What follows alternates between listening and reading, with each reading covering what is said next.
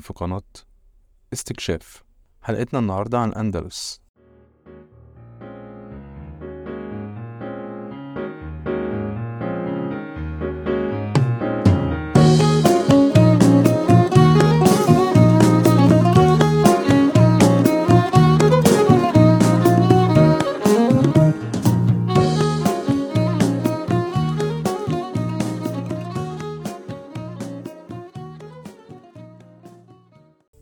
مكان حنين وذكريات لأي عربي يسمع كلمة بس الأندلس تيجي قدامه هتلاقيه دخل في مود وحالة تانية وسافر لزمن عمره ما راحه ولا شافه قبل كده. أي عربي سواء من الخليج من المصري شامي مغربي كل دول بيجتمعوا على حب الأندلس. بس يا ترى إيه هو العامل المشترك بين العرب والمسلمين؟ اللي رغم أي اختلاف بينهم رغم المكان اللي اتولدوا فيه رغم الجماعة اللي بينتموا منها إيه السبب اللي جمعهم على حب الأندلس؟ حاليا اللي باقي لينا من الأندلس هو شوية المعمار اللي بنشوف في مدن زي قرطبة أو غرناطة أو أي مدينة أسبانية أو برتغالية. من هو عبد الرحمن بن معاوية بن هشام هذا أيضا؟ ما به. عبر إلى الأندلس.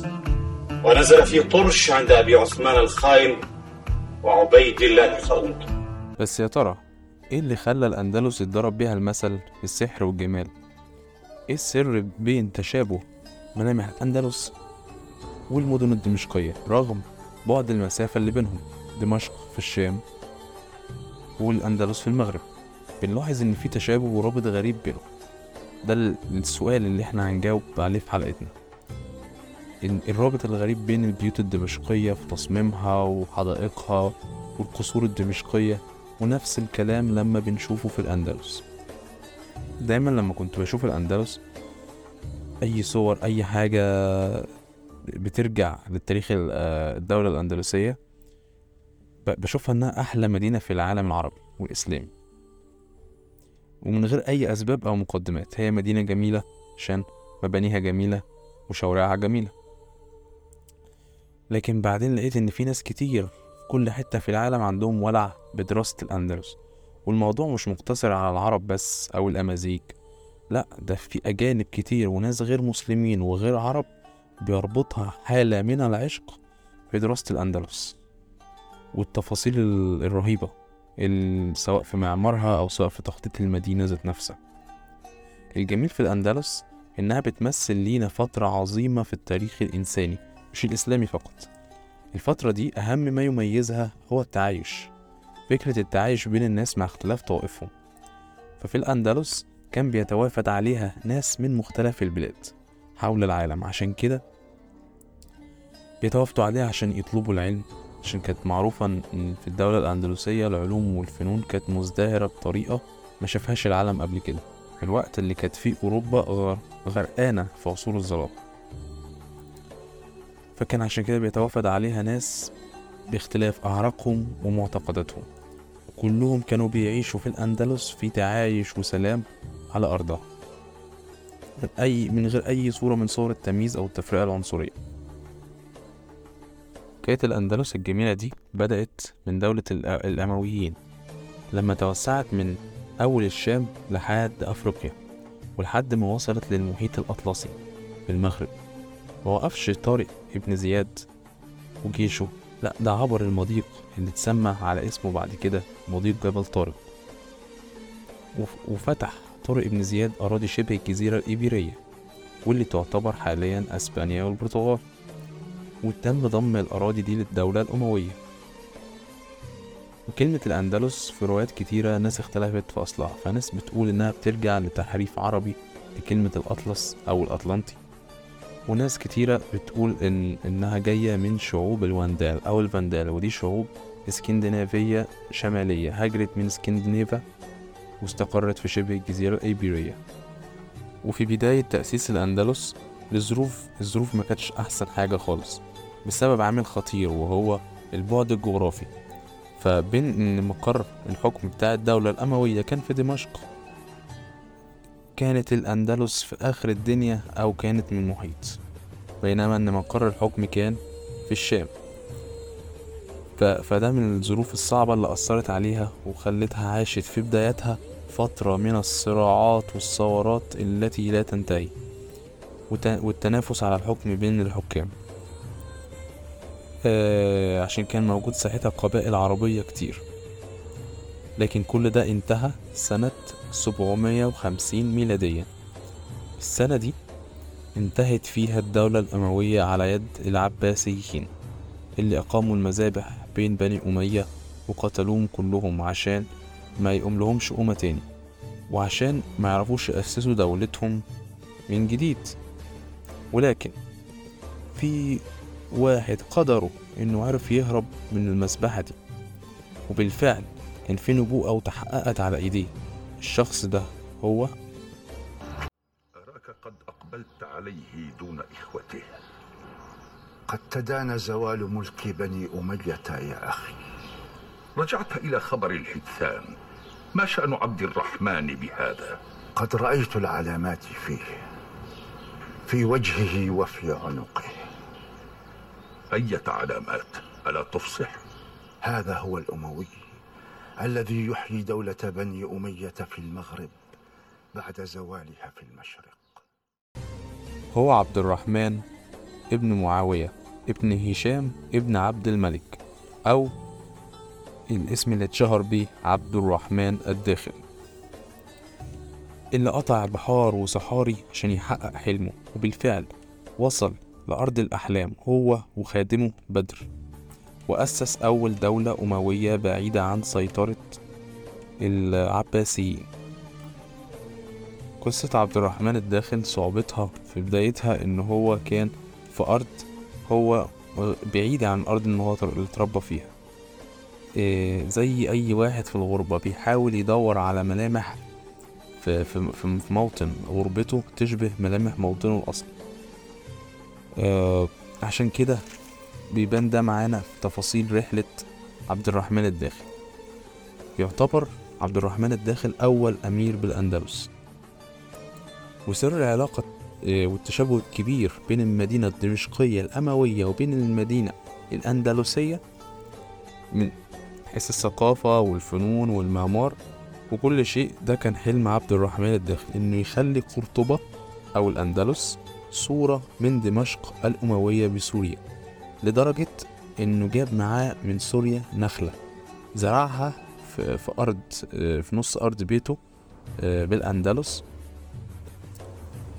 وناس ويعني وشبه النخلة دي بنفسه. إنها مزروعة في أرض مش أرضها ومضطرة إنها تنمو وتكبر. آه، هنا بنشوف. يعني مظهر آه، عبد الرحمن الداخل لولا إنه كان أمير بس حاسس بالغربة. واشتياقه لوطنه الأصلي بسوريا تبدت لنا وسط الرصافة نخلة تناءت بأرض الغرب عن بلد النخل. فقلت شبيهي بالتغرب والنوى وطول التناء عن بني وعن أهلي. نشأت بأرض أنت فيها غريبة فمثلك في الإقصاء والمنتأى مثلي. وبالرغم من عدم الاستقرار اللي كان مألوف في الأندلس في بدايتها وكم الصراعات اللي كان اللي كانت بتصار لأهداف سياسية من دول مختلفة زي الفاطميين لكن أولاد عبد الرحمن الداخل عملوا آه، كملوا المسيرة من بعده. ففي عهد ابنه عبد الرحمن الثاني ازدهرت العلوم والفنون وتم الاهتمام بيها لدرجة كبيرة وهنا كانت بداية تأ- تأسيس الأندلس العريقة اللي بنعرفها النهاردة. ولكن الأمر مسلمش رغم التطور اللي بلغته الأندلس كان في برضه مازال حالة من عدم الاستقرار لحد ما هنوصل للناصر. والناصر هنا هو عبد الرحمن الثالث. هو بطل حكاية الأندلس بلا منازع زي ما هنشوف في في باقي قصتنا. ده اللي هيعيد إحياء الدولة اللي وصل لما وصل للحكم. بالرغم من المقدمة الأسطورية اللي كانت ع- على عبد الرحمن الأول المؤسس إلا إن الأسطورة الحقيقية هي عبد الرحمن الثالث اللي غير شكل التاريخ والزمن في الأندلس. الطريقة اللي وصل آه، فيها للحكم بنبوءة ومعجزة عشان آه، الإمارة كانت في الأندلسين بتتنقل من الآباء للأبناء. زي المتعارف بينه وعند العرب أو عند الملوك عامة. إنما عند عبد الرحمن الداخل آه، يعني لما جه يسلم السلطة سلمها لعبد الرحمن الثالث على طول مباشرة إلى الحفيد هو كان حفيده.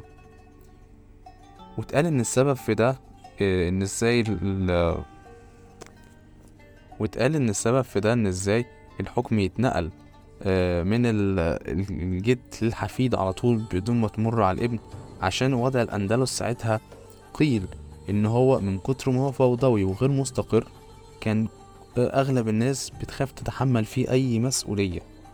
وساعتها طبعا ما كانش حد يعني لما كان حد بيتولى الملك يا يكون قد الملك ده عشان يمسكه يا إما بيعتذر عنه لو مش قده وعبد الرحمن الثالث في فترته كان بيواجهه آه، خطورة هجمات الفاطميين وهجمات ملوك الأسبان.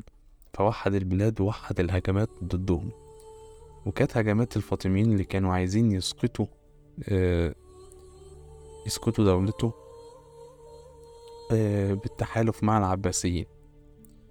اللي, اللي هدموا دولة أجداد أجداده في عهد الدولة الأموية.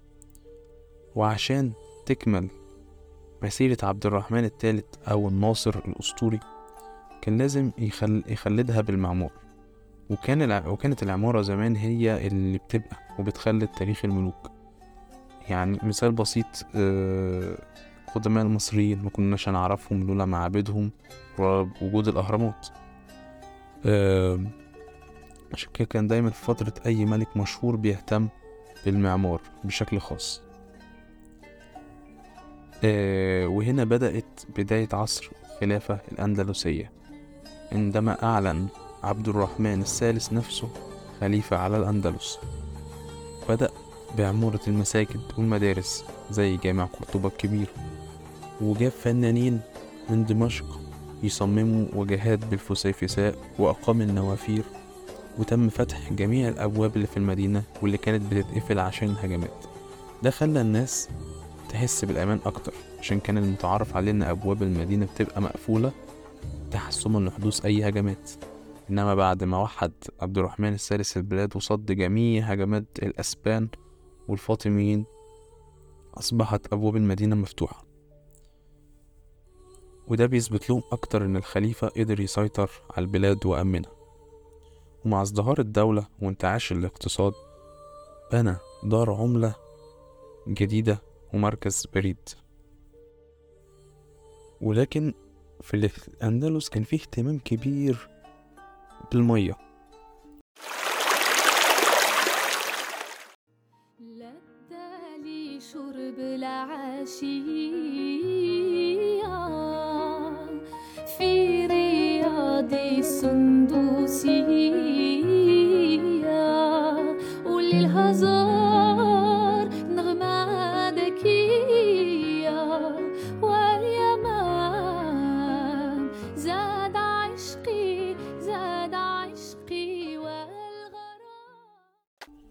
ده بنشوفه بواقع عام في حتى في في المعمار الأسباني دلوقتي الاهتمام بشكل كبير بالمية ده جه منين؟ جاء أصلا كمن تعاليم الإسلام كمسلمين إن المية دليل على النقاء وده بيمثل حب المسلمين في المية واللي كانت بتتخلل كل جزء في الأندلس سواء في, في نوافير في الميادين العامة أو بحيرات أو مسطحات مائية في مداخل القصور ده كمان ليه بيرجع لحنين عند المسلمين في تصوير الجنة حسب وصفها في القرآن الكريم. جنات تجري من تحتها الأنهار. فطور الأندلس شبكات الري واستعملوا آلات ونظام سوائي جديد ما كانش موجود أصلا في, في أغلب العالم القديم. آه، ودي اشتهر, اشتهر في سوريا. ونقلوا عبد الرحمن الثالث للأندلس. وكانت وظيفة السواقي دي إنها بتنقل المية من الأنهار وفي شبكات ري منظمة عشان تدخل طرقها الجديدة في الري و كل البيوت.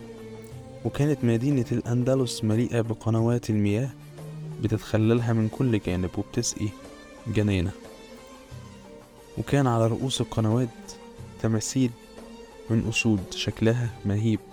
شكلها مهيب دي على مداخل ودي بنشوفها كمان في قصر حمراء مشهور بالنوافير وبالأسود وال- واللي وصفوا المؤرخين. وفي سنة 963 بنى الناصر أو عبد الرحمن الثالث مدينة الزهراء. ودي اللي هتكون مقر له ولوزرائه ودي كانت مدينة تعتبر عجيبة من عجائب الدنيا. بتبعد عن قرطبة بحوالي سبعة كيلو. اتبنت على سفح جبل ويقال إن كلف بنائها حسب الروايات ثلث دخل الأندلس السنوي اللي كان عظيم جدا ساعتها. اتقال في الروايات عن وصف القصور في مدينة الزهراء وصف شبه أسطوري. اتقال إن الحوايط بتاعتها والجدران اتبنت من فضة وذهب وإن كان في قاعة اللي بيقابل فيها الملك السفراء القاعة دي كانت حكاية. بيقابل فيها السفراء ونبلاء من كل مكان في أوروبا وغيرها. كان عنده وعاء من الزئبق في القاعة يعني تخيلوا معايا المنظر القاعة من فضة وذهب وكان فيها وعاء من من الزئبق.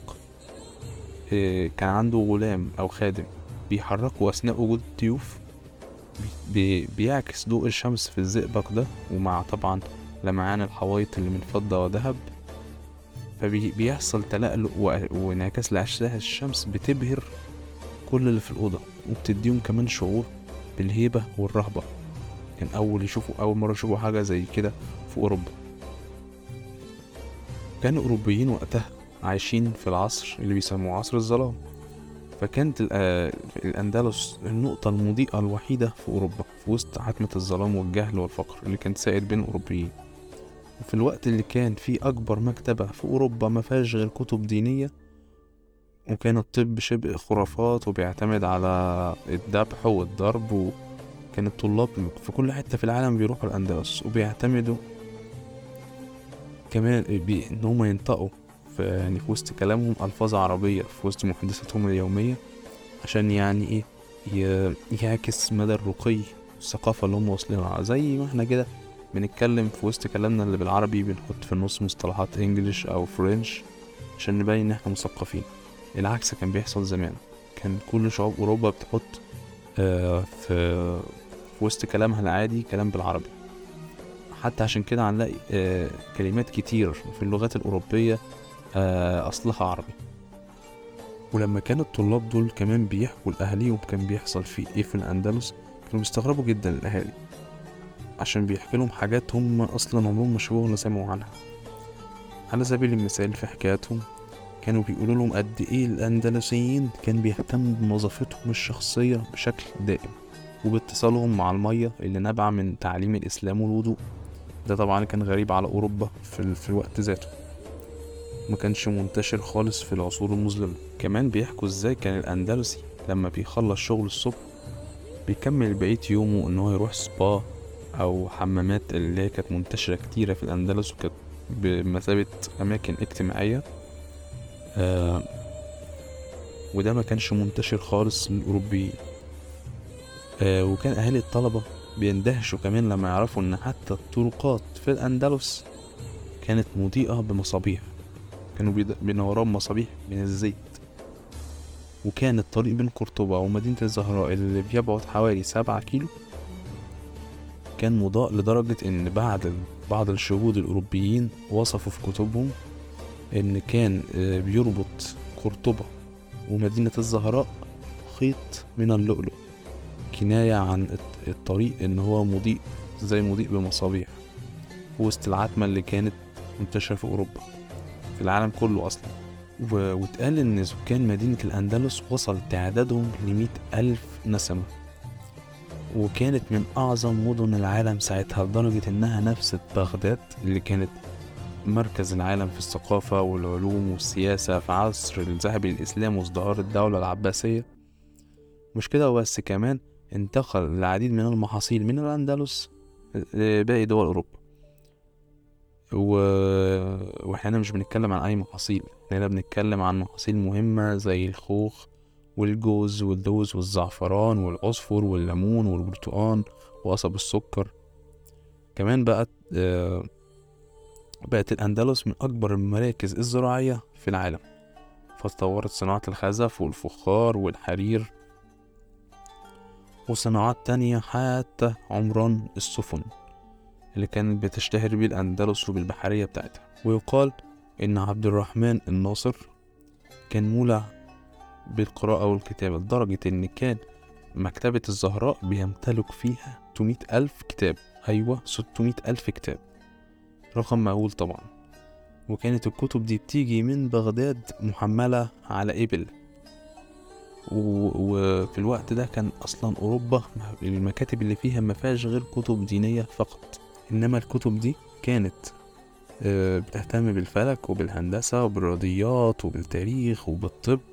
وبالفنون المختلفة وكأن الدولة كانت بتسعى دايما إنها تتعرف على أي جديد في مجال العلم زي الدول زي حال الدول المتقدمة دلوقتي بالإضافة للجامعات الكتيرة اللي كانت موجودة واللي كانت بتستقطب علماء كتير عشان يطوروا في علومها ويترجموا ويقال الأندلس ساعتها كانت من أكتر مدن العالم القديم عظمة فكان فيها ممثلين وشعراء وكتاب ومهن تانية كتير.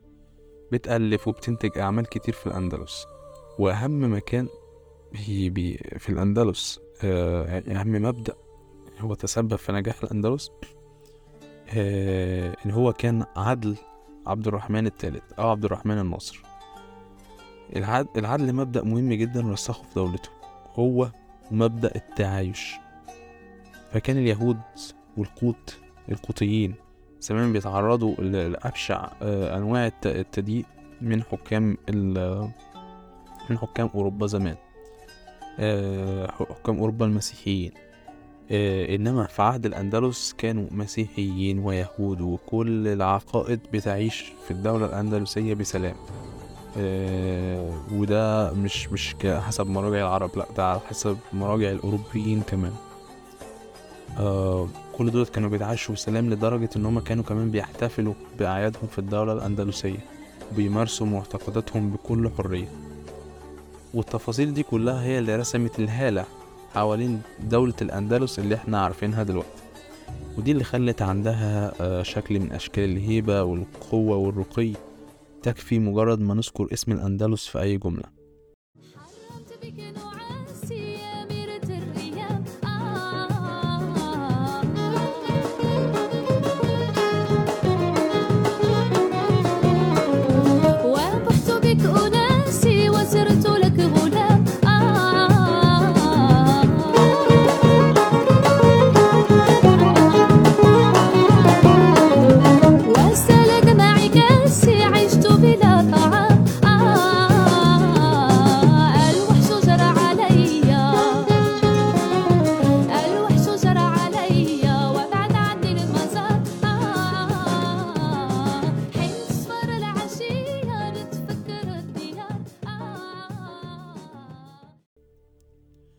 عايشين في المدينة المتطورة اللي بنسمع عنها دلوقتي وال...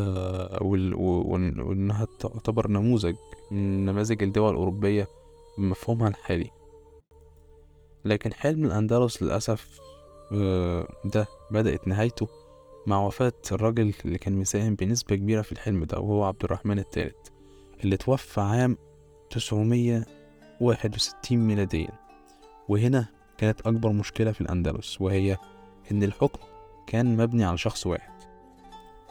فبالرغم من نجاح الدولة إلا إن دي كانت أكبر مشكلة في حكم الأندلس. إن لما الدولة تكون مبنية حوالين شخص واحد ده كفيل إنها تنتهي مع نهايته مهما كان صلاح الدولة في عصره.